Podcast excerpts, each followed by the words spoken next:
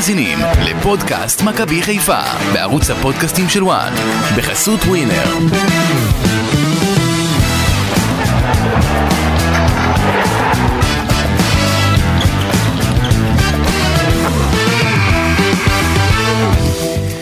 איזה לילה עבר על העיר חיפה ועל האוהדים של מכבי חיפה. נתנו להם ככה לפתוח את הפרק הזה, לשמוע אותם, נראה לי זה הכי טוב. אליפות 15, כוכב שלישי.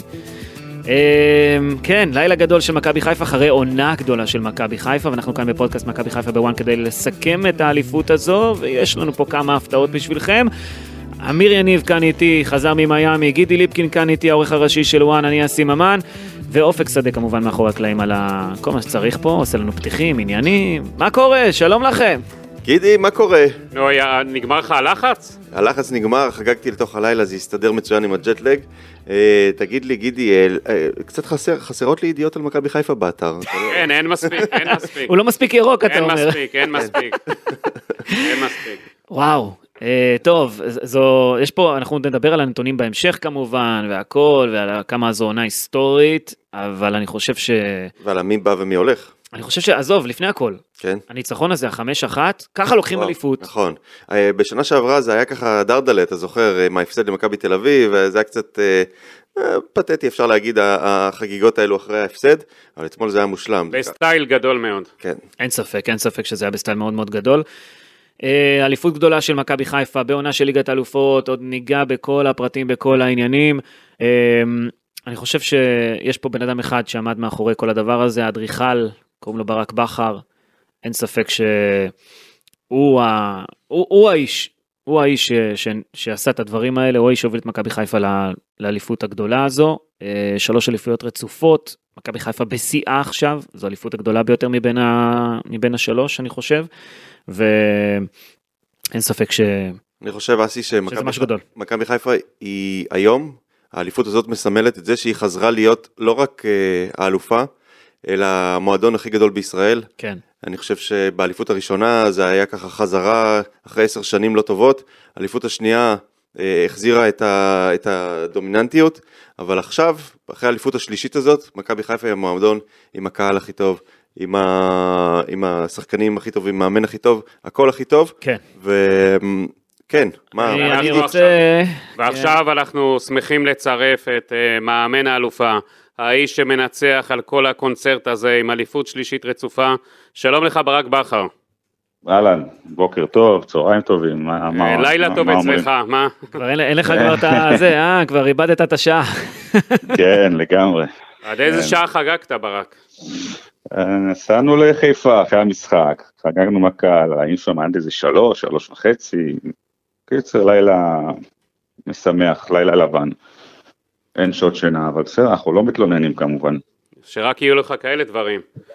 זה נראה, זה נראה שאתמול כאילו חגגת יותר משתי אליפויות האחרות, משהו אצלך השתחרר אתמול, אה, משהו אחר שראינו בחגיגות. תמיד חגגת, אבל אתמול משהו ראיתי אצלך, זיהיתי כאילו תחושת הקלה, הנה סגרת את מה שרצית, אה, לסגור את האליפות השלישית הזאת, בעונת ה... עם ליגת האלופות, עונה היסטורית, שברת, הורדת מה שלא הצליחו עד היום אה, להביא אליפות אחרי ליגת האלופות. כן, תראה, שנה שעברה הפסדנו את המשחק האליפות מול מכבי תל אביב, והייתה תחושה קצת חמוצה, והשנה הראשונה כמובן זה היה המחזור האחרון והיה טירוף, ופה הצלחנו גם ליהנות, ליהנות גם מהמשחק שהיה אתמול, גם מהדרך הזאת, וגם, אה, אתה יודע, לשמוח לפני הזמן ולא ברגע האחרון. לא רצינו להגיע ליום שבת עם כל הלחץ, ואיך שהמשחק התפתח, ואיך שמה שהיה בסוף, אז אה, הרשיתי לעצמי קצת, אה, קצת לחגוג מעבר למה שאני רגיל, וזה באמת היה כיף גדול. רצ- רצית להתחשב בנו עם האירוע נבחרי העונה שיש לנו, אז חד משמעית, חד משמעית. ברק, אה, איך אתה רואה את העונה הזאת, אתה יודע, מהצד שלך? כי בסוף, יש פה כמה נקודות, אני חושב, שהן, אה, שהן קריטיות בעונה. בין היתר, אני חושב שזה משחק באשדוד, שבו באמת אה, מכבי חיפה הייתה, אתה יודע, על התפר כזה בין אה, להסתבך עכשיו במאבקי אליפות, לבין ל- לנצח, יש שם את הפנדל הזה, אתה זוכר? אה, והיו עוד כמה רגעים גדולים בעונה הזו, כמו משחק נגד פריס סן ג'רמן, עזוב את האליפות רגע, משחק נגד פריס סן ג'רמן בליגת האלופות, היו פה רגעים ענקיים בעונה הזו. איזה רגעים אתה לוקח מהעונה? וואו, אתה יודע, בשביל לסכם את העונה הזאת, אתה צריך, צריכים ארבעה פרקים נראה לי. אז אנחנו נעשה ארבעה פרקים איתך בהמשכים. אתה מוזמן שוב, ברק. וואו, עונה באמת שהתחילה מאוד מאוד מוקדם, אני זוכר עוד משחק אלוף האלופים נגד באר שבע שהפסדנו בפנדלים, ואחרי ארבעה ימים אנחנו מתחילים את העונה נגד אה, אולימפיאקוס, ומשווים בדקה ה-90 ויוצאים החוצה ונותנים להם רביעייה, זה משהו שעדיין אני לא מאמין שעשינו, כן? בצורה כזאת לנצח אה, מועדון כזה, ובאמת המסע בליגת האלופות שהוא היה אמנם מזמן אבל זה היה מסע המוקדמות אני מדבר עזוב את הבתים המוקדמות היה מסע כל כך עוצמתי עם ניצחונות על מועדונים כמו אולימפיאקוס והכוכב האדום זה, זה משהו שאתה חוזר עליו זה בלתי נתפס ועוד בדרך שעשינו את זה. כי מההתחלה מה שיפה זה שמההתחלה מתחילת העונה מתחילת האימונים אמרנו לעצמנו שאנחנו מכוונים לליגת האלופות למרות שידענו שאנחנו לא מדורגים ויהיה קשה ובאיזשהו מקום אפילו צריך נס. אבל ברגע שאתה מאמין ומשדר ואחרי שנתיים שאתה אלוף ואתה כבר והיינו ב Conference League נתנו גם fight טוב נגד קבוצות חזקות כמו סלאביה ואוניון ברלין ומי יודע שם פיינורד שלקחו אליפות השנה. אז הרגשנו שאנחנו כבר מוכנים לעלות שלב, הרגשנו שאנחנו, זה הזמן שלנו, אולי לא נעשה ליגת האלופות, אבל אנחנו בהחלט יכולים להתמודד ולעשות את זה. וזה מה ששידרנו, כל הצוות, מהרגע הראשון, ו...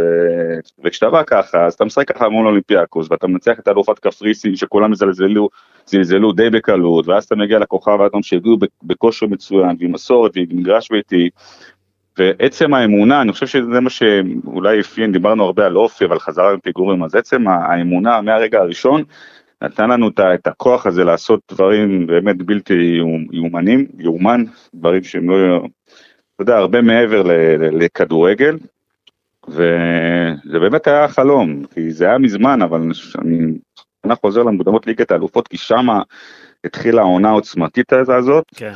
והיו לנו הרבה עליות וירידות, ודיברת על המשחק עם אשדוד בבית, שזה באמת, אה, דיברתי על זה גם אתמול בריאיון בטלוויזיה, זה אחד הניצחונות הכי עוצמתיים, כי היינו בתחילת הפלייאוף, ורגע לפני פגרה, ורגע לפני הפועל באר שבע משחק עונה, וזה משחק שהיינו יכולים להפסיד אותו. והפער מצמצם לנקודה, ולחץ גדול, ואיך שהמשחק התפתח, וחזרנו בפיגור עם עשרה שחקנים, אה, עם פנדל מוחמץ עוד, שברור שהמשחק יכול להתפתח לכיוונים לא טובים. והניצחון הזה היה כל כך עוצמתי, ושם הייתה הרגשה שזה יהיה שלנו. כמובן שאחרי זה עוד היו הרבה משחקים, וגם הפסדנו משחקים בפלייאוף. אבל זה, זה היה הניצחון הכי עוצמתי שלנו, העונה בליגה.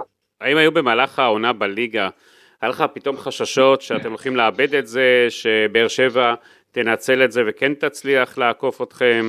כי מכבי תל אביב לא היו בתמונה באמת, אה, עם כל הכבוד להם, הם אה, עונה חלשה מאוד. והם לא אלה שאיימו עליכם, אבל היה כאלה רגעים שחשבת שזהו העומס מכביד, כל מה שעברתם, וכבר כל אחד כבר די מיצה את עצמו, לא יכול לראות אחד את השני, היו כאלה רגעים?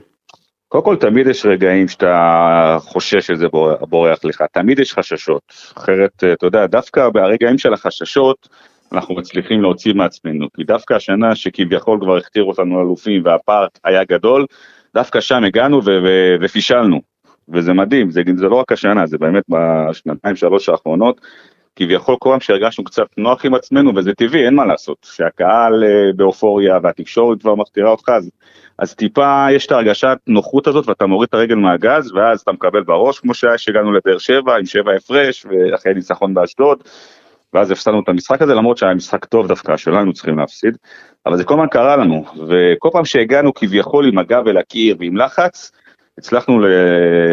הצלחנו להוציא מעצמנו את העוצמה ואת האיכות ואת היכולות, וזה מה שקרה גם שבוע שעבר מול מכבי תל אביב, במשחק מאוד מאוד מלחיץ שאם היינו מפסידים אותו היינו בהחלט uh, מסתבכים, וזה מה שמאפיין את הקבוצה הזאת uh, השנה בכל אופן, האופי הזה, החזרה מפיגורים, עם הגב, ההצלחה עם הגב אל הקיר, וזה יאמר לזכות השחקנים שיודעים לתפקד תחת לחץ, ויש פה לחץ גדול מאוד.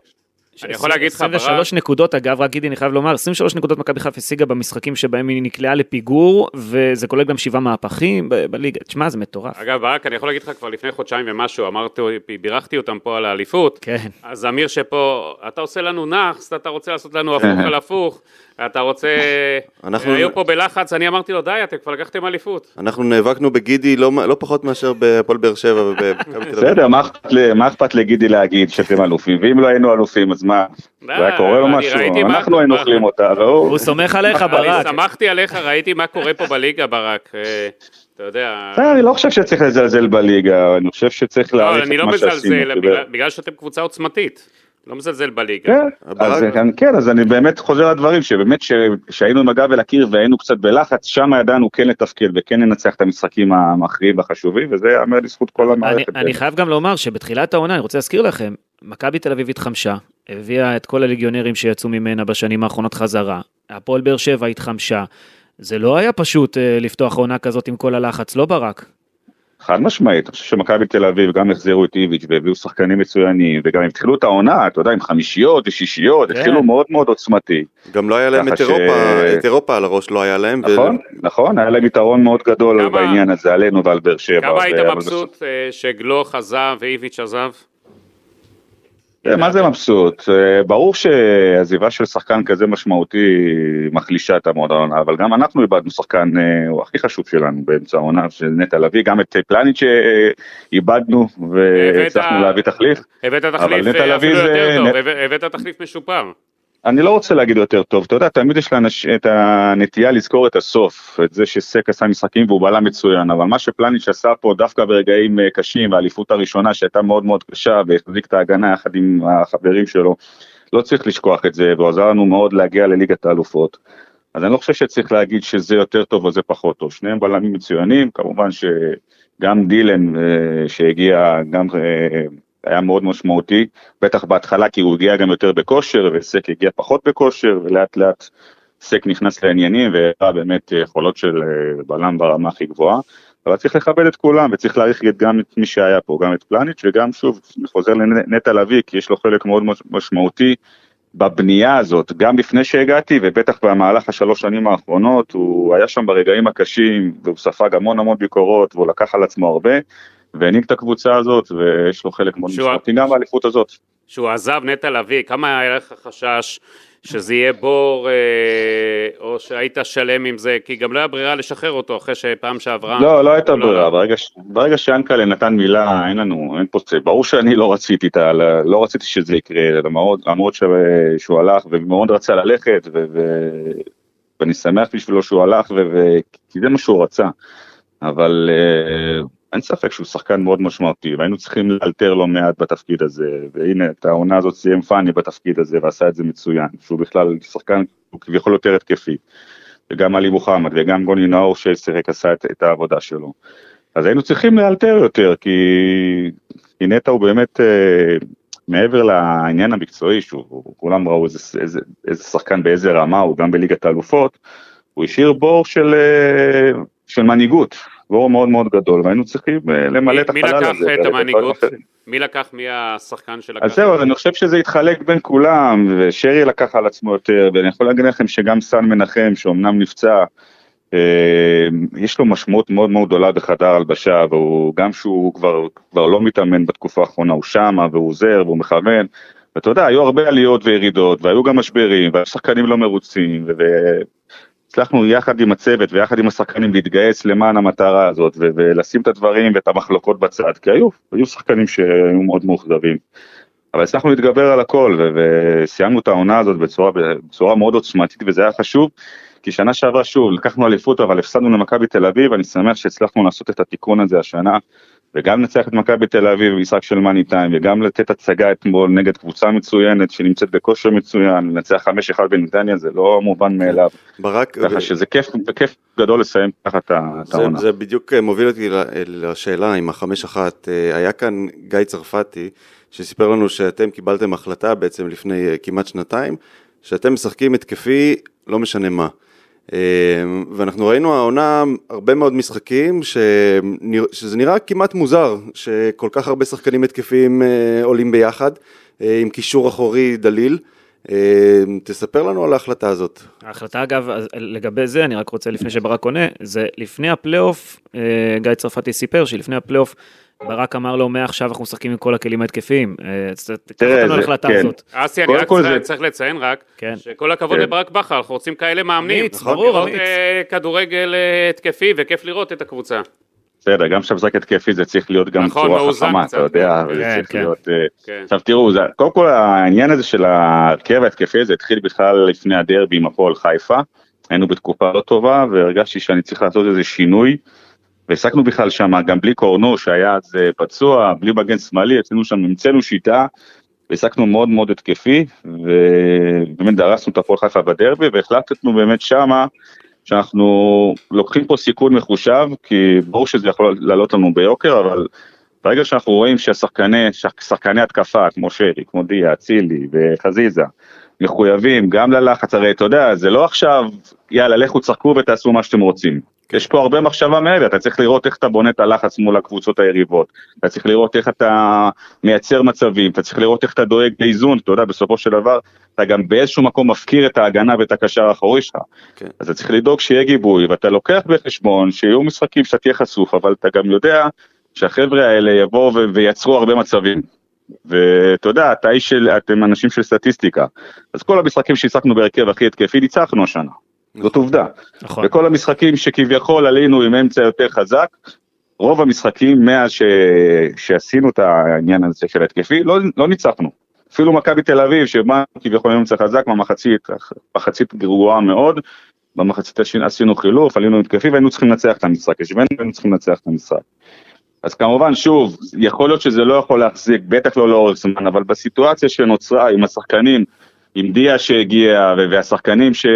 שנכנסו לכושר עם האיכות שיש להם, הלכנו על קו מסוים של אה, קו התקפי, שוב, זה היה מחושב, זה לא לזרוק את השחקנים ותעשו מה שאתם רוצים, אבל בסופו של דבר זה הוכיח וזה השתלם, וידענו שאנחנו כל משחק שווים שניים שלושה שערים, גם אם נספוג, ואני יכול לגלות, לגלות לכם סוד, לפני המשחק אתמול גם עלינו מאוד התקפי, גם- בגלל החוסרים שלנו, כן. ואמרתי לצוות, אנחנו ננצח את המשחק הזה, אבל אנחנו גם נספוג, סביר להניח, זה יהיה משחק של 3-1-4-2, זה מה שאמרתי אני לפני המשחק, היית קרוב. בסוף יצא, בסוף יצא 5-1. תראה, פיירו אתמול עם שני בישולים וגול, כולם מהראש, אבל דיה סבא זה הכוכב האמיתי, אני חושב, מאז ינואר, מאז שהוא הגיע בינואר, הוא כבש מאז יותר מפיירו ויותר מדין דוד. מפברואר לסבא יש חמישה שערים ושלושה בישולים, לפיירו שלושה שערים ושלושה בישולים, אם אני לא טועה, ודין דוד רק עם גול אחד, אבל בגדול, הוא היה התוסף לדלק, ואפשר לומר שזה בכלל כל השינוי של ינואר, בכל עונה שאתה היית במכבי חיפה, זה הדבר החשוב ביותר אולי. עונה ראשונה הגיע עומר אצילי, בינואר של העונה השנייה הגיע צ'יבוטה, בינואר של העונה השלישית מגיע דיה סבא. הבאת שחקנים גדולים בינואר, והם, אה, ורובם עשו את השינוי, אני חושב שגם דיה סבא פה דחף את מכבי חיפה לאליפות, לא כשכולם כבר היו עייפים. אני רוצה להמשיך את השאלה של אסי, הבאת את דיה סבא, ואז אתה פתאום מוותר על אצילי איזה תקופה. אתה מוריד אותו לספסל, אני יודע שאצילי מאוד לא אהב את זה, איך אתה מתמודד, איך אתה שומר את אצילי שלא יאבד את זה, כי אנחנו יודעים את הרצון שלו ואת הלהט שלו, אה, איך אתה מסדר, ואז חשבו, אתה יודע, שבעצם יש לך החלטה לא לנגוע יותר אה, בכוכבים ולא להוריד אותם לספסל, גם אם לא טובים, הייתה קצת ביקורת. איך אתה מארגן את כל הדברים האלה ומונע חדר הלבשה להתנפץ, אה, כי זה לא פשוט. לא, זה לא פשוט, וכן, דיה הגיע באמת אה, בזמן מאוד מאוד אה, חשוב מבחינתנו, ואנחנו שמחים שהוא הגיע אלינו, כי הוא ויתר על כסף וויתר גם על הצעה יותר גבוהה ממכבי תל אביב כדי להגיע למכבי חיפה, שזה לא מובן מאליו, ואין ספק שדיה שחקן מאוד מוכשר וראו את זה, ובאמת הוא הוסיף גם תחרות והוסיף הרבה איכות לקבוצה הזאת. וכן, היה כמה פעמים שזה בא על חשבון שחקנים אחרים, אני יכול להגיד לכם שהייתה לי שיחה אה, עם עומר אצילי בתקופה שהוא פחות שיחק. והוא היה בדאון, הוא היה בתקופה לא טובה, הוא גם ידע, יש לו גם ביקורת עצמית, והוא ידע שהוא לא טוב, אבל הוא גם היה צריך ממני את הביטחון, ויכול להיות שהיו כמה משחקים שלא נתתי לו את הביטחון, והרגשתי שאני עושה פה טעות, ואז אה, לפני הדרבי, ולקחתי אותו לשיחה ואמרתי, אמרתי לו בצורה הכי פשוטה, הכי ברורה ופשוטה, כי זה היה איזה אימון אחד שדברים לא הסתדרו לו, ואפילו הוא נטש את האימון באמצע, מרוב שהוא היה מתוסכל. ולקחתי אותו לשיחה, אמרתי לו, זהו, אני עכשיו הולך איתך, המפתחות שאתה כמובן צריך לעבוד, ולהתנפל ולהשתולל כמו שאתה יודע לעשות דברים הטובים שלך, אבל אתה עכשיו רץ עד סוף השנה, וכבר במשחק, יומיים אחרי זה היה את הדרבי, והוא קבע שם שלושה במשחק הזה, ושם הצלחת, אני והצוות הצלחנו להרוויח את עומר אצילי, כי זה משהו שהיינו חייבים לעשות. ולמרות תגיד, התקופה אבל תגיד את האמת הקשה רגע, שלו. ברק, זה, זה משהו מתוכנן? אה, אתה יודע, יש מאמנים הרי שמתכננים סוג של משברונים קטנים כאלה בתוך הקבוצה, זה משהו לא, לא, שמתוכנן לקראת שמעתי את הפלייאוף, או- התיאוריה הזאת. כן. לא, לא, אני לא מתכנן.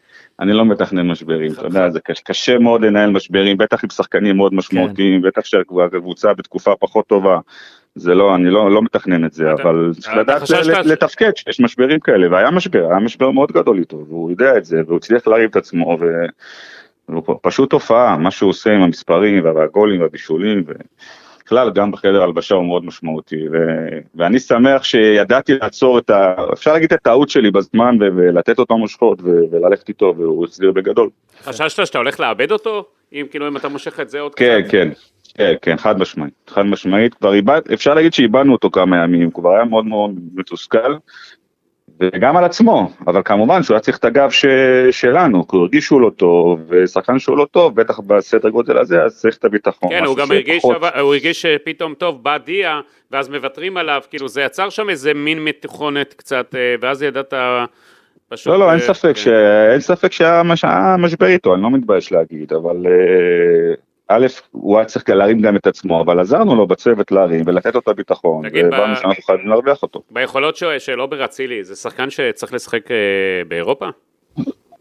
זה כבר עניין שלו, אתה יודע, אני חושב שהוא נמצא היום במקום מאוד, אה, מאוד טוב ומאוד שלם, ובאמת הוא מלך במכבי חיפה, ואוהבים אותו, והוא יכול להביא את היכולות שלו לידי ביטוי, והמערכת עוטפת אותו, בטח אחרי כל המשבר שהוא עבר, ואני שמח שהוא הצליח כסוג של להשתקם אצלנו, וקיבל את הגב, בטח מיאנקלה בהתחלה, ההחלטה של יאנקלה כמובן הייתה מאוד משמעותית.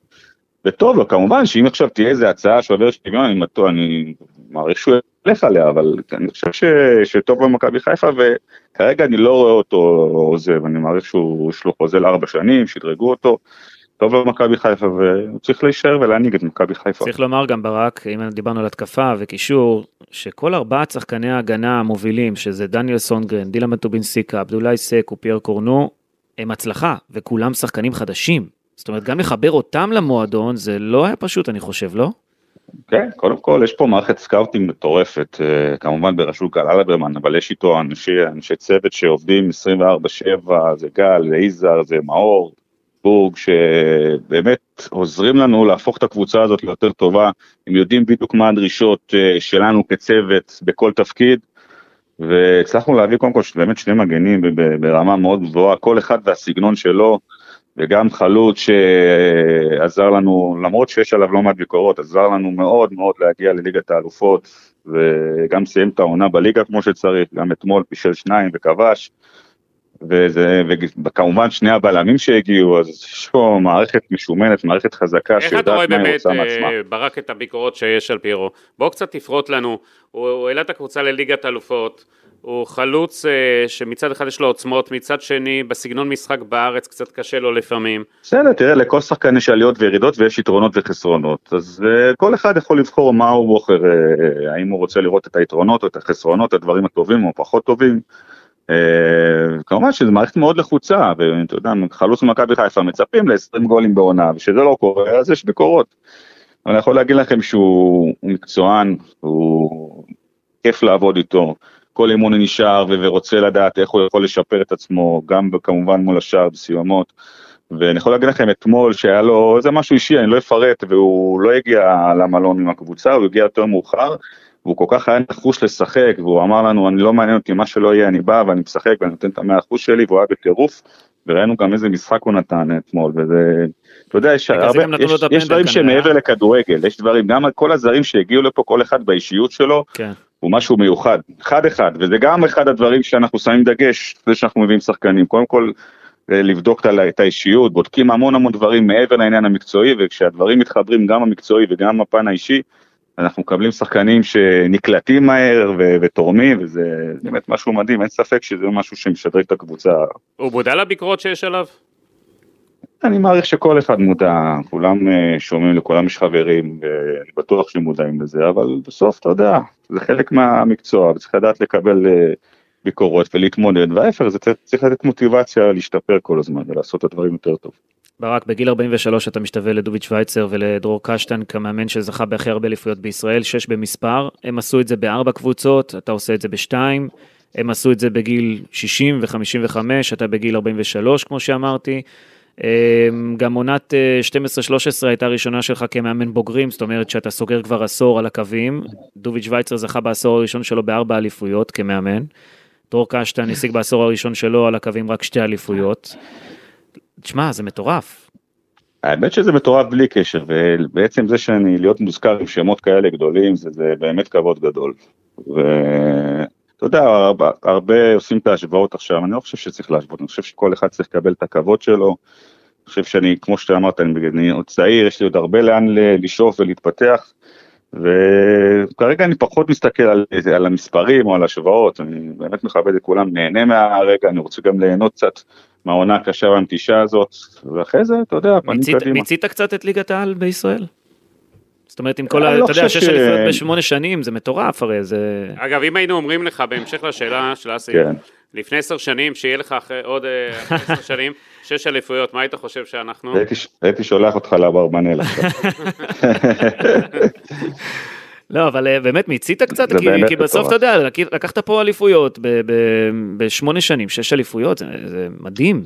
בשתי קבוצות? תראה, אני לא, מה, מה זה מיצית? אני, ברגע שאתה מרגיש שמיצית, אז אתה לא, אתה לא בענף הנכון, אין דבר כזה מיצית. בכל, בכל דבר אתה יכול להמשיך ולעשות את המקסימום, ו, וככה אני רואה את זה, אני אף פעם לא שבע, אני אף פעם לא מרגיש נוח עם עצמי, אני מאוד שמח על התוצאות, אבל אני תמיד חושב קדימה, איך לשפר את עצמי, איך להפוך את הקבוצה שלי ליותר טובה, אז אה, מצד אחד זה כיף, מצד שני אני, אני אפילו לא מצליח ליהנות יותר מדי מהרגעים האלה, כי אני תמיד, אה, תמיד חושב איך אני כבר משפר גם את עצמי, כי אני גם עדיין חושב שיש לי הרבה דברים לשפר, ובגלל זה אני עוטף את עצמי בצוות ש, שמשלים אותי בהרבה דברים, אה, זה עוזר מאמן שהוא מאמן לכל דבר, ואטליסטים ומאמן שוערים שאחראי לנכים, וצוות מנטלי מאוד מאוד משמעותי, עבודה מנטלית כמובן בשנה כזאת בכלל, היא מאוד מאוד חשובה ואני שם על זה דגש מאוד גדול, אז uh, אני חושב שתמיד אפשר uh, להשתפר ולהיות יותר טובים. איפה הרגשת שאתה טעית העונה? באיזה נקודות אתה חושב שבדיעבד היית צריך לעשות דברים אחרת?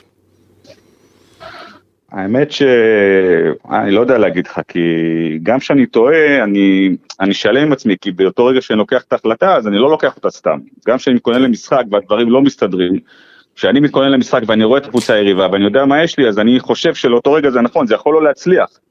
אבל אני מאוד שלם עם כל מה שאני עושה, עם כל ההכנות למשחק, הרבה פעמים יש ביקורות וזה בסדר, זה חלק, חלק מהעניין, אבל לא כולם יודעים מה עומד מאחורי ההחלטות. אז כשאתה מצליח אז אתה יוצא כביכול גאון והכי טוב שיש, וכשאתה לא מצליח אז זהו כבר הראש שלו לא פה, והוא כבר לא, זה, וזה בסדר, כן. זה כבר למדתי לחיות עם זה, אבל אני לא יכול להגיד לך על משהו שאני חושב שעכשיו טעיתי ואני מצטער, אני שלם עם כל מה שעשיתי, גם עם הטעויות שעשיתי, וכמובן כולם עושים טעויות. אתה יודע, בעונה כזאת שאתה גם לוקח אליפות וגם עושה ליגת האלופות ועושה דברים יפים בליגת האלופות, אז כן. אני חושב שאני די שלם עם הדברים שעשיתי. אגב, ברק, אה, מה אתה צריך לשפר עוד? אפרופו שאמרת שאתה צריך לשפר תמיד דברים.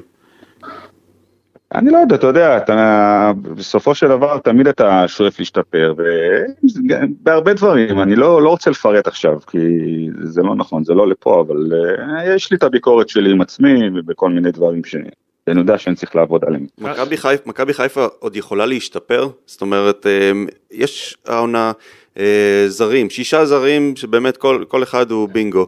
והישראלים הכי טובים במכבי חיפה, ובאמת צוות אימון הכי טוב בארץ. יש למכבי חיפה דרך להיות טובה יותר בשנה הבאה? זה צוות אימון שכבר לא יהיה גם. כן.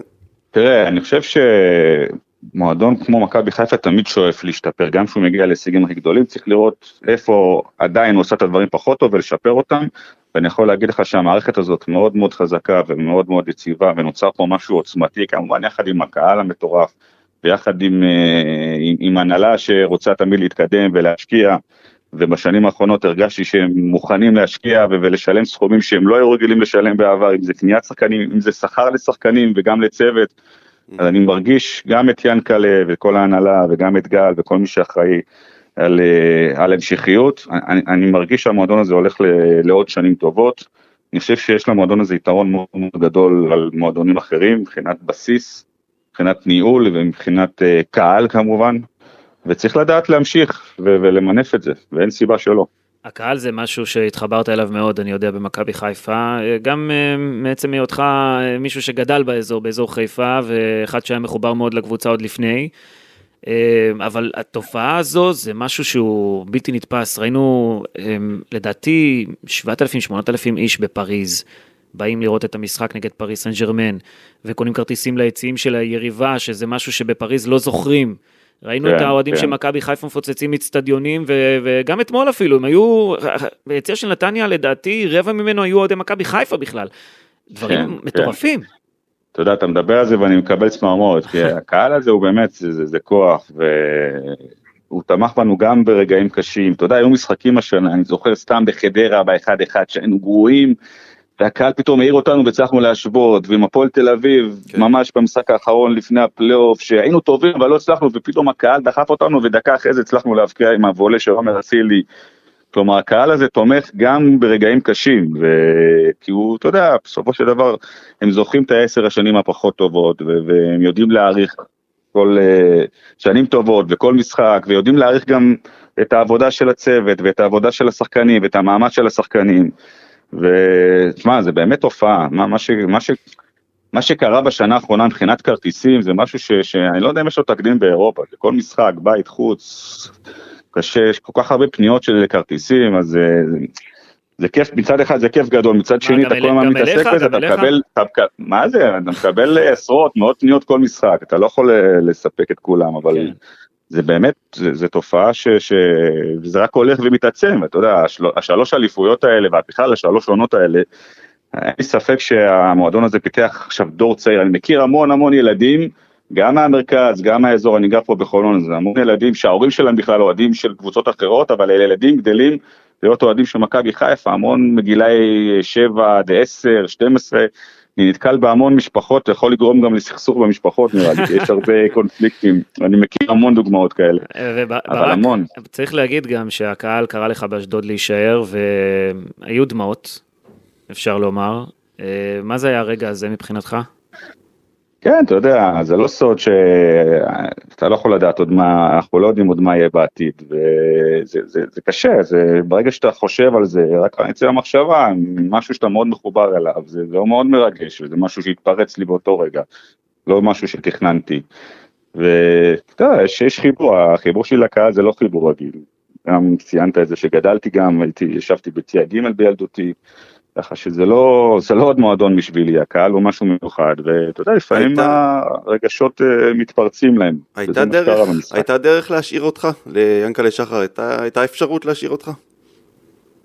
כן, זה כבר, זה לא משנה, זה לא משנה, אני חושב שעל ינקלה יש לי רק דברים טובים uh, להגיד, כי לא יצא לי לדבר עליו עד עכשיו, דיברנו הרבה, אבל אתה יודע, זו זכות לעבוד איתו, נותן לך את כל התנאים.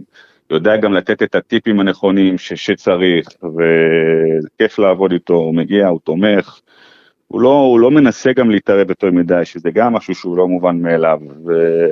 אחרי שהיית אצל איזי שירצקי, אז יש לך... דרך אגב, איזי התקשר אליי היום ובירך כן. אותי, והזכרתי לו שהרבה בזכותו אני מאמן.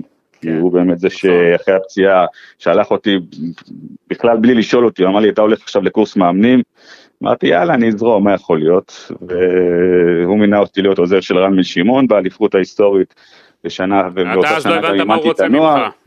לא, לא הבנתי, לא תכננתי בכלל, לא חשבתי להיות מאמן, אני חשבתי בכלל שאני חוזר, הייתי בשיקור, אמרתי אני חוזר עם פציעה, הוא אמר לי לך לך תעשה קורס מדריכים, לאיזי לא אומרים לו, אתה יודע, אתה זורם, ואז שנה אחרי זה כבר אה, הוא מינה אותו להיות המאמן, המאמן הראשי של קריית שמונה. כשהוא מינה אותך אגב, אה, שמעתי סיפור שזה היה יומיים לפני משחק, או משהו יום כזה. לפני משחק. יום לפני יום. משחק, ואמרת לו מה יום, יום לפני משחק אתה ממנה אותי, והוא אמר לך תתחיל, תתחיל עכשיו. ועוד, איזה, ועוד איזה משחק ליון, ליון בבית בליגה האירופית, בקריית אליעזר זה היה. הייתי עוזר של גילי לנדאו, פתאום מתקשר אליי, אומר לי, תשמע, אתה מאמן מחר. אמרתי לו, מה, אתה צורק עליי? ככה, בלי להודיע. הפסדנו את המשחק הזה 4-3, דקה 90, אני לא אשכח, משחק ראשון בקריירה שלי. כן, אבל אה, כן, פתאום, אתה יודע, פתאום הוא שלף את זה, זה איזי ידוע בשליפותיו, והשאר היסטוריה. תגיד, אלונה בירכה אותך גם? כן, כן, אלונה, נראה לי הם מהראשון, מהראשונים ששלחו לי אתמול אה, יפה, הודעות. יפה, כן. תגיד, אה, כן. ברק, אם אתה עכשיו לוקח את שלושת הרגעים הכי משמעותיים שלך בשלושת האליפויות האלה, אם אתה צריך לבחור. וואו, צריך להיות מוכן לזה. אחד מכל אחת, יאללה, קדימה, אחד תראה, מכל אחת. תראה, האליפות הראשונה, כמובן שהמשחק האחרון אה, עם באר שבע, אולי אפילו שבוע לפני, כמה ימים לפני, הגול הזה שספגנו מקריית שמונה ב- בדקה ה-94 מהמנגה, זה היה הלם מוחלט, ואתה יודע, קיבלתי הודעות מאוהדים שבדרך למיון, והרגשת את האחריות שיש לך אחרי עשר שנים, שהכל על הכתפיים שלך, וזה, אתה יודע, זה מלחיץ. כן. אבל ואז שבוע, ואז כמה ימים אחרי זה, זה אפילו לא היה שבוע, כמה ימים אחרי זה באנו וניצחנו את באר שבע, וזה, אתה יודע, זו האליפות הראשונה, היא תמיד הכי מרגשת, זה לא יעזור, כי זה משהו שעד הרגע האחרון אתה לא יודע, שכמו עם באר שבע, אחרי 40 שנה, וגם אחרי שהיינו בפיגור נגד סכנין וניצחנו, והרבה רגשות התפרצו באותו רגע, אז גם פה, אחרי עשר שנים, הרגשת את הלחץ, אז זה היה רגע מאוד עוצמתי, הזכייה הזאת באליפות הראשונה. האליפות השנייה, אתה יודע, זה, זה אומנם שנה שעברה, אבל נראה כאילו זה כבר עברו כל כך הרבה שנים. לא, שיחקתם רק איזה 200 אני- משחקים העונה, זה לא הרבה. כן, כן, אז אה, אני לא יודע, אני לא, לא, לא, לא, זוכ, לא זוכר איזה רגע, אבל השנה, בגלל שזה היה טרי, אז אה, קודם כל הרגע הזה שעלינו ליגת האלופות, זה, זה רגע שאי אפשר, אי אפשר לשכוח, זה כן. משהו שהוא לכל החיים, זה פעם ראשונה זה גם היה- זה גם היה הכי הפוך, אני חושב, למה שישראלי, זה בדרך כלל אנחנו סופגים דקה 90, איזה טעות של איזה מישהו בהגנה. גם זה, גם במשחק הראשון נקראנו לפיגור 2-1 והפכנו ל-3-2, נכון. וגם באנו לשם, ואחרי כל ההכנות שאתה עושה אחרי חצי שעה אתה כבר בפיגור 2-0 באחד המגרשים הכי ביתיים באירופה עם אצטדיון מלא. ואיך שחזרנו זה באמת, אז זה, אז זה רגע שניקח לכל החיים. זה אולי זה שיחת המחצית, של- אולי שיחת המחצית הכי משמעותית בחייך, לא? אם שלקחת את הכדור, זרקת אותו באמצע חדר הלבשה ואמרת להם, זה עכשיו שלכם. מה, נגד אה, הכוכב? בבלגרד, בבלגרד, כן. לא, לא עשיתי את זה, אבל היו כמה דברים שעשינו, גם צרפתי שם, ניער כמה שחקנים, והצלחנו ככה לתת להם את הביטחון שאנחנו הולכים לשחק את המשחק שלנו, כי היה לנו חצי לא טוב, למרות שעשינו את השתיים אחד בסוף המחצית, היה לנו חצי לא טוב, ודווקא בחצי השני באנו ועלינו ושחקנו את המשחק שלנו, וניצחנו גם בצדק, אבל אה, אני זוכר דווקא, אם כבר נחזור לשנה הבאה, לשנה שעברה, סליחה, כן. יש, כמובן המהפך כמו מכבי תל אביב, זה אה, אחד שלוש הרגעים שתיים, כן. כן, כי זה היה, היינו בתקופה אדירה של כדורגל אדיר, ואז אתה מגיע מול מכבי תל אביב, ואחרי עשר דקות אתה בפיגור 2-0, זה לא יאומן, אחד מגול עצמי, ופתאום עדן שמיר בועט לך לחיבורים מ-20 מטר, ואז דווקא שם במחצית באתי מאוד מאוד רגוע, ואמרתי להם שבואו נשחק את המשחק שלנו, אנחנו בתקופה טובה, אנחנו קבוצה יותר טובה, אנחנו בבית, אפשר להפסיד. גם בפיגור 2-0 אפשר להפסיד, לא יקרה כלום אם נפסיד, אבל בואו נהיה אנחנו, בואו נשחק את הכדורגל שלנו, אני שמח שעלינו בחצי, בחצי השני, כמובן שעשינו שם חילופים מאוד אה, התקפיים, הפסקנו שם חזיזה מגן ימני והימרנו, אבל המהפך הזה באמת זה אחד הרגעים ש... שאני אקח גם לכל החיים, זה היה נגד מכבי תל אביב, אה, מהפך בדקה ה-90 ואחד המשחקים היותר גדולים. ברק, אני. רוצה, אני רוצה להחזיר אותך לבוקר ה-29 במרץ. אה, אני מרים לך טלפון, אומר לך, אתה סגור בכוכב האדום, יש לנו תמונות גם שהצוות פה הגיע, כמה חשבת זה יתחיל להשפיע הפרסום, יעורר יוציא את הקבוצה משיווי משקל, כי רציתם הרי להסתיר את זה ולשמור את זה הלאה. אה, קודם כל, רציתי, קודם כל רציתי לחנוק אותך באותו רגע, אבל לא יכולתי. אני רוצה כל יום, זה בסדר.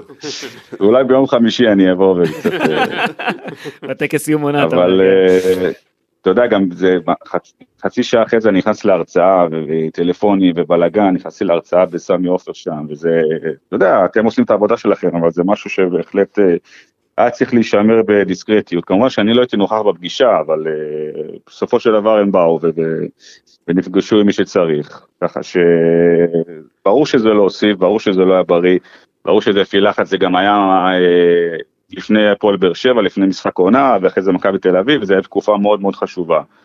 והיה לי ברור שהכל יהיה עליי, ותוצאה לא טובה נגד באר שבע, וכבר יגידו שהוא הראש שלו לא פה, ו...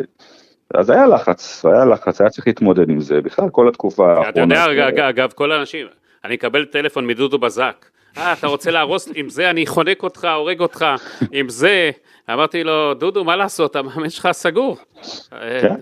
ואז, אתה יודע, גידי מודיע למכבי חיפה. כול- כולם חשבו שאנחנו עושים בכוונה להרוס מול מכבי תל אביב ולהפריע.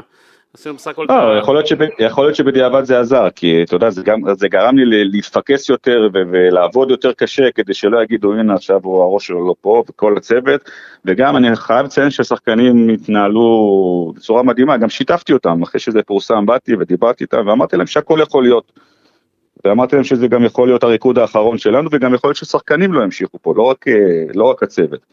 ולכן חשוב לסיים את זה בצורה טובה, לעשות משהו היסטורי, כי הקבוצה הזאת הפכה להיות קבוצה היסטורית. שלוש אליפויות, ליגת האלופות, ידענו שמונח פה הרבה על הכף, ואנחנו חייבים לעשות את זה ולנתק את הכל, כי כולם ירוויחו מזה, ואם לא נעשה את זה אז כולם יפסידו מזה.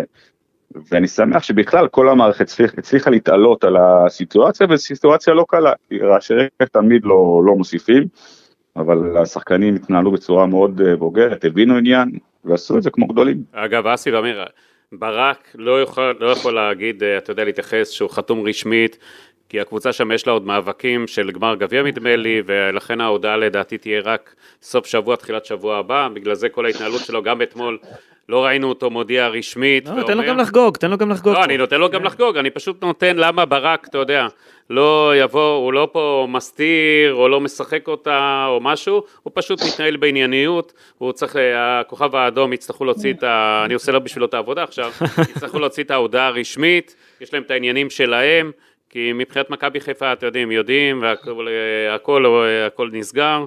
בשביעות רצון בסופו של דבר, אחרי משא ומתן קצת, אה, אתה יודע, בין, היה בין ינקלה לאנשי הכוכב האדום, ינקלה עשה עליו עוד קצת כסף, אקזיט אה, על ההשקעה בו בשלוש שנים, אבל סך הכל אה, הפרידה היא ברוח טובה, ואף פעם גם ינקלה לא עצר מישהו כדי להתקדם. אני אגב, ברק, אתה יודע, מקודם אמיר שאל אותך אם היה אפשר להשאיר אותך, אני כל הזמן אמרתי, ברק בכר צריך להמשיך הלאה. כי נכון, אנשים פה בארץ אה, נוטים לזלזל, אה, כי כולם פה עשו ליגת אלופות ועשו בכוכב האדום, אבל זו הזדמנות גדולה בשבילך, כי אף אחד לא היה יודע אם שנה הבאה היית נשאר, היית מביא את מכבי חיפה לליגת אלופות, והיית שוב מקבל הזדמנות כזאת, זו הזדמנות שאם אתה מצליח, השמיים הם הגבול מבחינתך. כי מה שאברהם גרנט עשה, צ'לסי זה אחד בדור מאמן ישראלי יכול לקבל ככה קבוצה כזאתי, וברק בכר רק בעבודה קשה, אני חושב שהוא יכול להמשיך הלאה וכן להצליח באירופה, למרות פה שכולם פה תמיד מזלזלים בישראל. ברק, לאן זה עוד יכול להגיע? לאיפה אתה רוצה להגיע? אני יכול להגיד לכם שיש לי רק דברים טובים להגיד על ינקלה, כמו שאמרתי מקודם, וכשיהיה דברים סגורים ושיהיה מה להודיע, אז אנחנו נודיע בצורה מסודרת. לאיפה עוד אתה יכול, לא לאיפה עוד אתה יכול להגיע בעיניך בקריירה? יש מצב שתגיע לאחת מהליגות הגדולות ביותר באירופה? זה יכול להיות לדעתך? קודם כל תמיד השאיפה זה להצליח ולהגיע כמה שיותר רחוק, אבל אני תמיד האמנתי בשלבים מסוימים וצריך לעשות איזושהי דרך, וגם, אתה יודע, באר שבע אחרי שלוש, שלוש אליפויות הייתה לי אפשרות לצאת, ולא יצאתי, והרבה אמרו איך לא יצאת, ואחרי זה הייתה שנה וחצי פחות טובה, אני חושב שדווקא, טוב, אני חושב שגם מהשנה וחצי הפחות טובות מבאר שבע למדתי את הדברים וזה, ובאתי הרבה יותר מוכן גם למכבי חיפה, והיום אני מרגיש שאני מאמן יותר טוב, יותר בשל. ומוכן כבר, אתה יודע, להתקדם. חד משמעית. יש לך איזה מודל מבחינתך? או זה מודל בחיים? לא, תראה, תראה, אנחנו רואים כדורגל בעולם, אנחנו רואים אה, איך הכדורגל מתפתח ואיך מאמנים אה, עושים דברים מתאימים, גם בנייחים, גם, מבחינה מקצועית, רואים את ארסנל, רואים את סיטי, רואים את ברייטון, רואים הרבה קבוצות בעולם. כמובן שלא תמיד זה מתאים לליגה ולשחקנים וליריבות שיש, אבל אנחנו כן לומדים, אנחנו כן מנסים להתקדם, גם מבחינת אימונים, גם מבחינת שיטות. וכדורגל היום הפך להיות ממש הייטקי, עם המון המון דברים, המון נתונים, בגלל זה הצוות שיש לי, ובכלל המערכת שיש במכבי חיפה מאוד מאוד משמעותית. נותנים, נותנים לי כמאמן ולצוות את כל הכלים הטכנולוגיים כדי להצליח, הם מאוד מחפשים את, ה, את ההתפתחות הטכנולוגית במועדון, יאמר לזכות המועדון הזה שהוא לא חוסך בדברים האלה. וזה דבר מאוד מאוד חשוב, וזה הולך ומשתפר ומתקדם, וזה כיף, כיף להיות חלק מזה, וכיף לראות איך המועדון מאמין בדברים האלה, ולא חוסך. אתה חושב שמכבי חיפה, אמרת מקודם שזה מועדון חזק ועוצמתי, אבל שהולך לעזוב צוות כמוך, שהיה מאוד דומיננטי ומאוד השפיע, וגם כנראה כמה שחקנים גם יעזבו, זה יכול לעשות שם מהפכה, או שאתה חושב, אתה אומר המועדון יותר חזק מהכל? קודם כל המועדון חזק מאוד והוא נמצא היום במקום אה, עוצמתי, שוב, יחד עם הקהל ויחד עם מה שנבנה פה בשנים האחרונות. אז אני חושב שאמרתי את זה מקודם, אה, מה שלא יהיה, מי שלא יישאר, מי שלא יעזוב, צריך למנף את הדבר הזה, צריך לנצל את זה שהקבוצה היא גם, יש לה שם חזק באירופה, בטח אחרי מה שעשינו שנה בקמפיין בליגת האלופות, קיבלנו המון מחמאות, גם מבחינת ניהול, גם מבחינה מקצועית, גם מבחינת, אתה יודע, שחקנים שברמה עולמית באו לסמי עופר וחוו את החוויה הזאת, ופרגנו מאוד, אז זה מחמם את הלב לקרוא ולשמוע את זה, בגלל זה המועדון הזה הוא כל כך חזק, שזה באמת לא משנה מי יאמן ומי ישחק, צריך לדעת למנף, יש פה בסיס טוב, יש פה הזדמנות אה, מבחינת מועדון לשלוט בכדורגל הישראלי עוד שנים קדימה, למרות שיש מתחרות באמת שצריך אה, גם לפרגן להם, גם מכבי תל אביב וגם באר שבע. יהיה מעניין, אבל אני חושב שעדיין הדברים יהיו תלויים במכבי חיפה בשנים הבאות. תשמע, אחד מהמשחקים הגדולים ביותר, שוב אני חוזר קצת אחורה, זה פריס סן ג'רמן בחיפה, אה, כשאתה פותח את המשחק הזה, מה עובר עליך? כי אתה יודע, בסוף זה הרגע אולי הגדול ביותר שמאמן ישראלי יכול לשאוף אליו, אתה יודע, לעשות, אה, לעלות עם קבוצה ישראלית מול הכוכבים הגדולים ביותר, אם זה נאמר, אם זה לאו מסי, אם זה קיליאן אמבפה, אם זה סרחיו רמוס. מה עבר עליך שם במסע הזה? תראה, קודם כל אני עדיין מאוד מאוכזב מהתוצאה, כי אני חושב שבאמת, לא, אני לא צוחק, אני חושב שהיינו שווים שם לפחות תיקו במשחק הזה, כי הובלנו 1-0 והגענו לעוד מצבים שם, ואתה יודע, ב-1-0 פסלו לנו גול בנבדל על סנטימטר של אה, פיירו. נכון. ואתה יודע, דקה 70 היה 1-1, ואז אה, עלי מוחמד היה פצוע לנו ססל, וסונגרן נפצע לנו, והכנסנו את סקה שהוא אז, הוא לא היה בכושר. וב-2-1 היה מצב לשרי שם ב-18 מטר ובדקה 80 ומשהו יכל להשוות.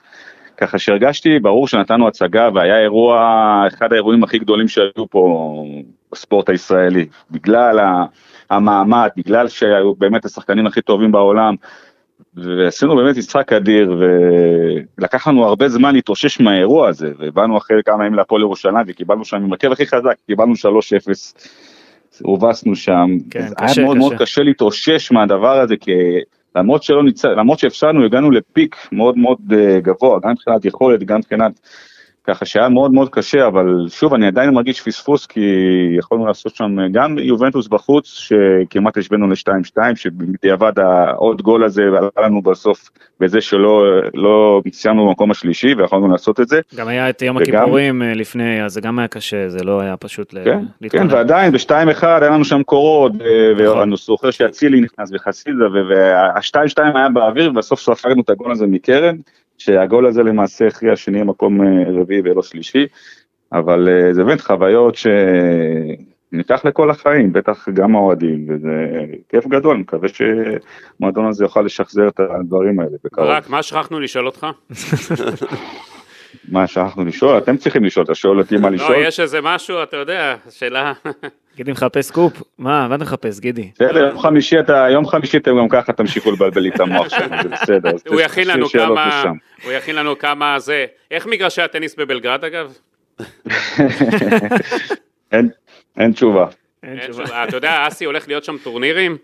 אה, כן? כן, ברק, כן, בין, ל- אתה יודע, בין להגעה שלו, לאיזה שלב, איזה שלב אתה מהמר הוא יגיע איתם בליגת האלופות? אני חושב, תשמע, אני לא יודע, לא, לא ראיתי את הקבוצה עדיין, אבל הוא מסוגל להגיע איתה לשמינית גמר אפילו, אם, אם הוא נופל על בית טוב. כן. זה מה שאני חבר'ה, יש לי. משחק יום שבת הפועל ירושלים, אני רוצה לסיים את העונה הזאת ב- בניצחון, ולעשות שיא, אם אני לא טועה, שיא של קבוצה ביתית. נכון, שתי. נקודות רק להפסיד, אז זה יש משהו... עוד מה להשיג, אז יש עוד מה. להשיג. אז זה ימשוך את השחקנים, כאילו, בזה תחזיק אותם לעשות עוד איזה שיא. זה- זה משחק הכתרה, זה משחק עם אווירה, באים ליהנות, אבל גם רוצים לנצח את המשחק ולסיים את העונה הזאת כמו שמגיע לנו.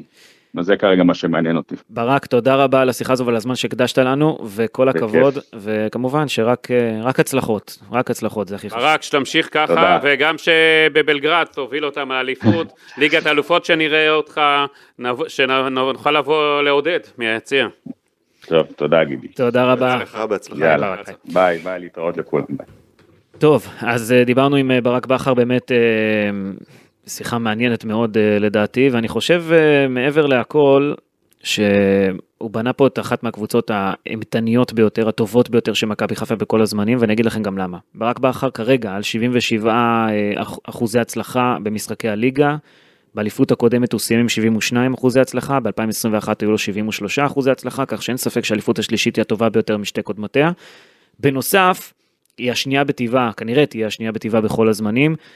בעונה 93-94 האגדית הקבוצה רשמה לא פחות מ-81 אחוזי הצלחה, וזה שיא המועדון. ב-2011 אלישע לוי עשה בעונת הקיזוז השנייה 76 אחוזי הצלחה, ועכשיו העונה הזאת תידחק למקום השלישי. ברק בכר תופס את המקום השני מבחינת אחוזי הצלחה. הוא דיבר על אה, משחקי הבית, ששם אה, אחוזי הצלחה הם גבוהים מאוד כמובן, וזה כמובן גם תרם לעניין הזה, אבל אין ספק, בשורה התחתונה, זו אחת מהעונות הגדולות ביותר של מכבי חיפה בתולדותיה, אליפות 15, כוכב שלישי וטופ 2. אני יכול להגיד לך, בהמשך לדברים שלך, אסי, מכבי חיפה אומרים היום, אנחנו המועדון הגדול, המוביל בישראל, אה, שברנו כל שיא בקהל, עם 29,870 אה, אוהדים למשחק, אה, משחקי חוץ כ-7,000 אוהדים ממוצע. וואו, וואו, אין וואו. ספק, מכבי חיפה פה שוברת שיאים על שיאים על שיאים. יש מצב שזה ממוצע החוץ הטוב ביותר אפילו באירופה. יש מצב.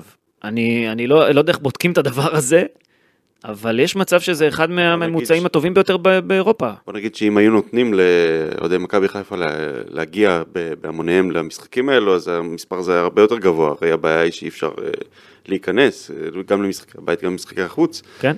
אה, אבל אה, אני חושב באמת... אה, תגדילו את האצטדיונים, חבר'ה, תגדילו אותה. כן, בהמשך למה שברק אמר, ואותו כבר אי אפשר לשאול על זה, אה, איך אפשר להפוך את העונה הרביעית, זאת אומרת את השנה הבאה, לאליפות רביעית, אם זה אפשרי בכלל, איך אפשר, כן, לשפר, איך אפשר לשפר את הקבוצה הזאת, קודם כל, זו המשימה. כן. זו המשימה של מכבי חיפה, אליפות רביעית ואולי אפילו חמישית. אותו גם אתה לא יכול לשאול אגב, כי הוא לא יהיה. כן, חלק ברור. אני חושב שהרבה נמצא עכשיו, אם אנחנו מסתכלים לכיוון הקיץ, או אפילו עכשיו, אפילו, לא, לא לכיוון הקיץ, הרבה נמצא על הכתפיים של גל אלברמן. זהות המאמן הבא, זה הדבר החשוב ביותר שהוא יעשה בקריירה שלו כמנהל מקצועי. להביא את השם הבא, את המאמן הבא שיוביל את מכבי חיפה לאליפות נוספת, אם הוא יעשה את זה, כמו שהוא פגע בזרים כן. בקיץ שעבר, זה משהו שאני חושב שהוא יכול להיות הדבר המשמעותי ביותר בקריירה שלו. גל אלברמן גם, אה, אגב, אה, דיבר בעבר על זה שהוא יכול לטעות, אבל הוא עבר קיץ כמעט מושלם מבחינת אה, רכש במכבי חיפה בקיץ שעבר. קיץ, חורף, קיץ, חורף. קיץ, חורף, הכל. כן. השאלה, אם הוא יצליח באמת להוביל את מכבי חיפה קדימה, אם כן, הוא לדעתי הופך להיות פה אחד מאנשי המקצוע, הוא כבר עכשיו, כן, אבל אחד מאנשי המקצוע שאין עוררין לגבי ה... היכולות של... עד, עד היום, עד היום. מונצ'י אה, כזה של סביליה, אתה מכיר? זוכר כן, עמיקו? מונצ'י שמדברים מונצ'י. עליו כל- בכל ספרד שהוא מביא את ה- את השחקנים שאף אחד לא יודע מאיפה הם באים ופתאום הם הופכים להיות קבוצה מטורפת. אותו דבר הוא יכול להיות גם במכבי חיפה. אז עד עכשיו זה היה רשום על שם אה, בכר, כל ההצלחות. אה, שחקנים באו והלכו, אבל ה- ההצלחות היו רשומות על אה, שם בכר, ועכשיו אה, הכדור עובר לגל אלברמן, והוא צריך ל- להוכיח את זה, וזה לא רק הזהות המאמן שהוא יביא. שזה לא גם- פשוט. יהיו גם הרבה מאוד שחקנים נכון. שהתחלפו השוער, ו- ו- ובאמצע אה, קשרים. ההגנה יכולה להיות, יכול להיות שתישאר בשלמותה. חמישה שחקנים, אה, אם ישאירו גם את בטובנציקה, אז יכול להיות אה, חמישה שחקנים שיישארו. אני אותו לא בטוח לגבי סק. אוקיי, בסדר, אה, אבל אה, סונגרן ושון גולדברג לא, אל אל תשכח, וקורנו, ג'וש כהן אה, לא ימשיך כנראה כן, גם. אז שוער, אז זה גם קריטי, שוער- שוער זה העמדה הכי חשו- חשובה בקבוצת כדורגל. וכמובן מגן שמאלי מחליף, כמובן. אסור ליפול עליה על שוער, זה העמדה הכי חשובה. אז מי- מי- בעונה- מי המועמד, גידי? מי מי יחליף את ג'וש? רגע, בעונה אחת שאתה נפרד ממאמן, כל כך דומיננטי, כל כך טוב, כל- מאמן הכי טוב בכדורגל הישראלי, ואתה הולך להיפרד משוער, שהוא גם היה הוגן, שראינו שג'וש כהן היה בכושר, כמה הוא היה חשוב העונה, זה קריטי מכבי חיפה. יצטרכו להחליט שוער זר או מישהו ישראלי שאני לא רואה אותו. אגב, בניגוד לעונות האליפות הגדולות בעשור או האחרון, שוער יהודי. יש את השוער היהודי הזה שמושל מצ'לסי. כן, שהשם שלו עלה, השם. שלו עלה, כן. או אפשר להביא את ניקיטה. איזה ניק? איזה ניקיטה. אה, נורבגי, כן, ש- כן. תראו, אני חושב אני ש... חושב שזה גם שם שיכול לעלות ולהיות. אני חושב שמעבר לשוער, אתה צריך פה קשר מרכזי אה, דומיננטי גם במכבי חיפה, קשר אמצע, זאת אומרת אה, או שש אחורי או שמונה כזה, כי בניגוד לעונות האליפות הגדולות בעשור האחרון, שמה שהכריע בהן את זהות האלופה היה בעיקר חוליית הקישור החזקה של האלופה, כמו בשנתיים האחרונות בחיפה עם נטע לביא ומוחמד אבו פאני ואלי מוחמד וחוסה רודריגס, ולפני כן עם אה, דור פרץ אה, ודן גלאזר במכבי תל אביב, והפועל באר שבע עם ג'ון אוגו ואובידי אובן ומהרן רדי. הפעם בעונה הזו ברק בכר בסוף שלה הימר יותר על הגנה חזקה ועל כוח, ועל כוח אש בלתי נגמר בחלק הקדמי, בהתקפה. הוא אמר את זה אפילו בעצמו גם כאן. גם אם זה בלית ברירה, בגלל שהקשרים שלו נפצעו וגם בגלל שנטע לביא עזב אה, ליפן. כן. ויש פה בור, הוא דיבר על זה גם ברק. אני לא רציתי שנטע לביא יעזוב, יש פה בור במרכז השדה, מכבי חיפה צריכה גם להתחזק שם, כי בסופו של דבר, קישור חזק זה משהו שיכול להביא אליפות. גם דיה סבא יכול לעזוב, אה, גם מי שעוד יכול לעזוב זה חזיזה. אבל בוא נדבר על מי, מי, את מי אפשר להביא.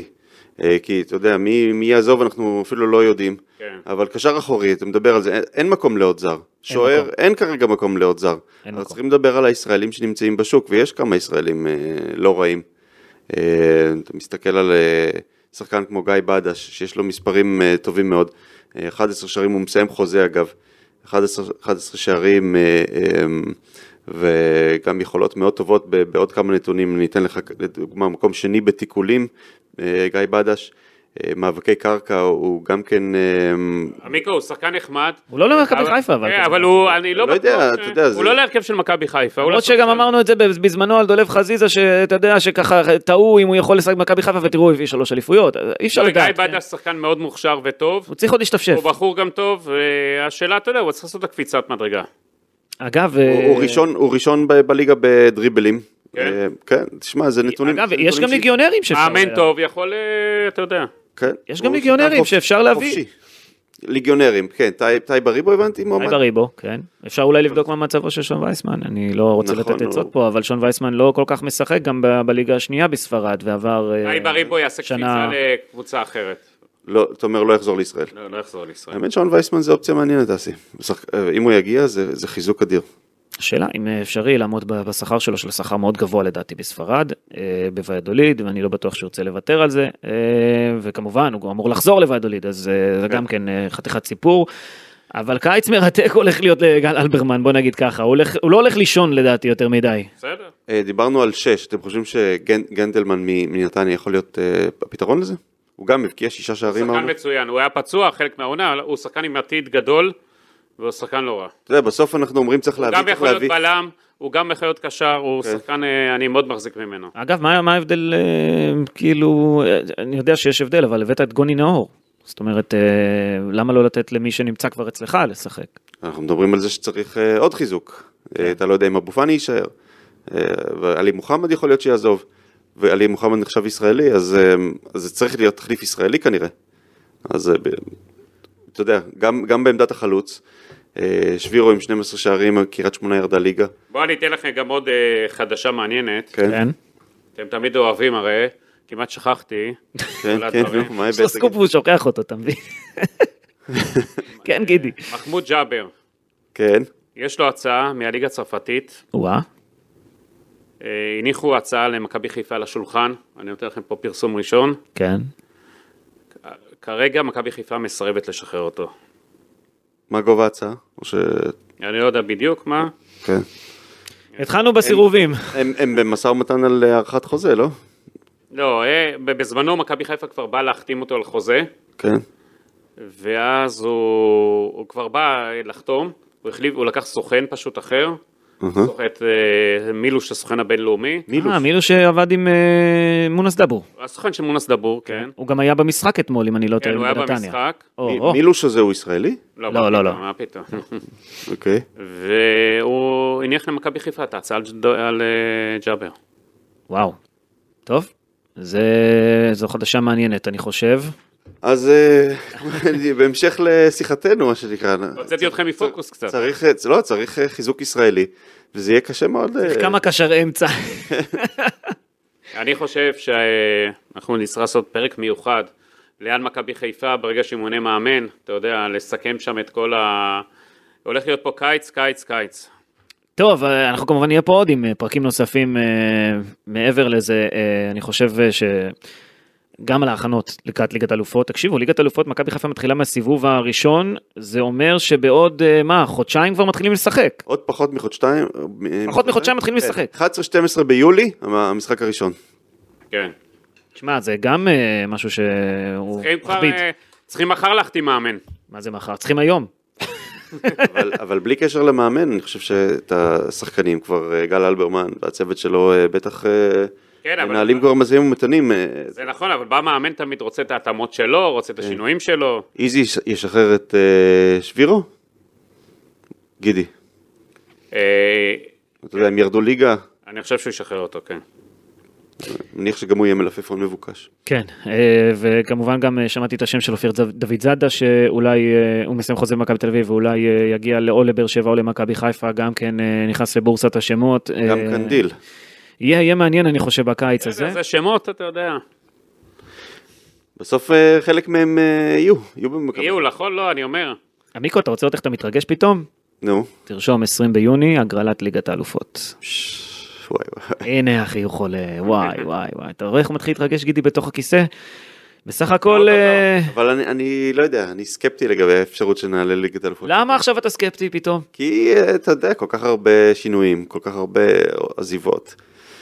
איך יבנו קבוצה חדשה שתגיע ותתמודד? לא יודע. אתה סקפטי מדי. טוב, אה, יכול להיות אגב, יכול להיות אגב נחמד אם אה, נגיד נעלה לליגה האירופית וננסה, אתה יודע, שם כשווים או בקונפרנס להתמודד ולעלות לעלות שלבים, זה גם יכול להיות נחמד. מה הוא מנמיך ציפיות פתאום, תגיד לי? הלו, עומר אצילי נשאר במכבי חיפה, שחקן העונה. לא יודע, גידי לא לא אומר על אף אחד. שחקן העונה, מעורב ב-31 שערים מתוך ה-71 של כל הקבוצה, פנטסטי, מה, מה, מה פתאום אתה, מה מתפרק פה בדיוק? אני מה? אמרתי כבר פה באחד- באחד הפרקים, שאם רונן קצב סוכנו לא יביא לו הצעה, הוא נכשל.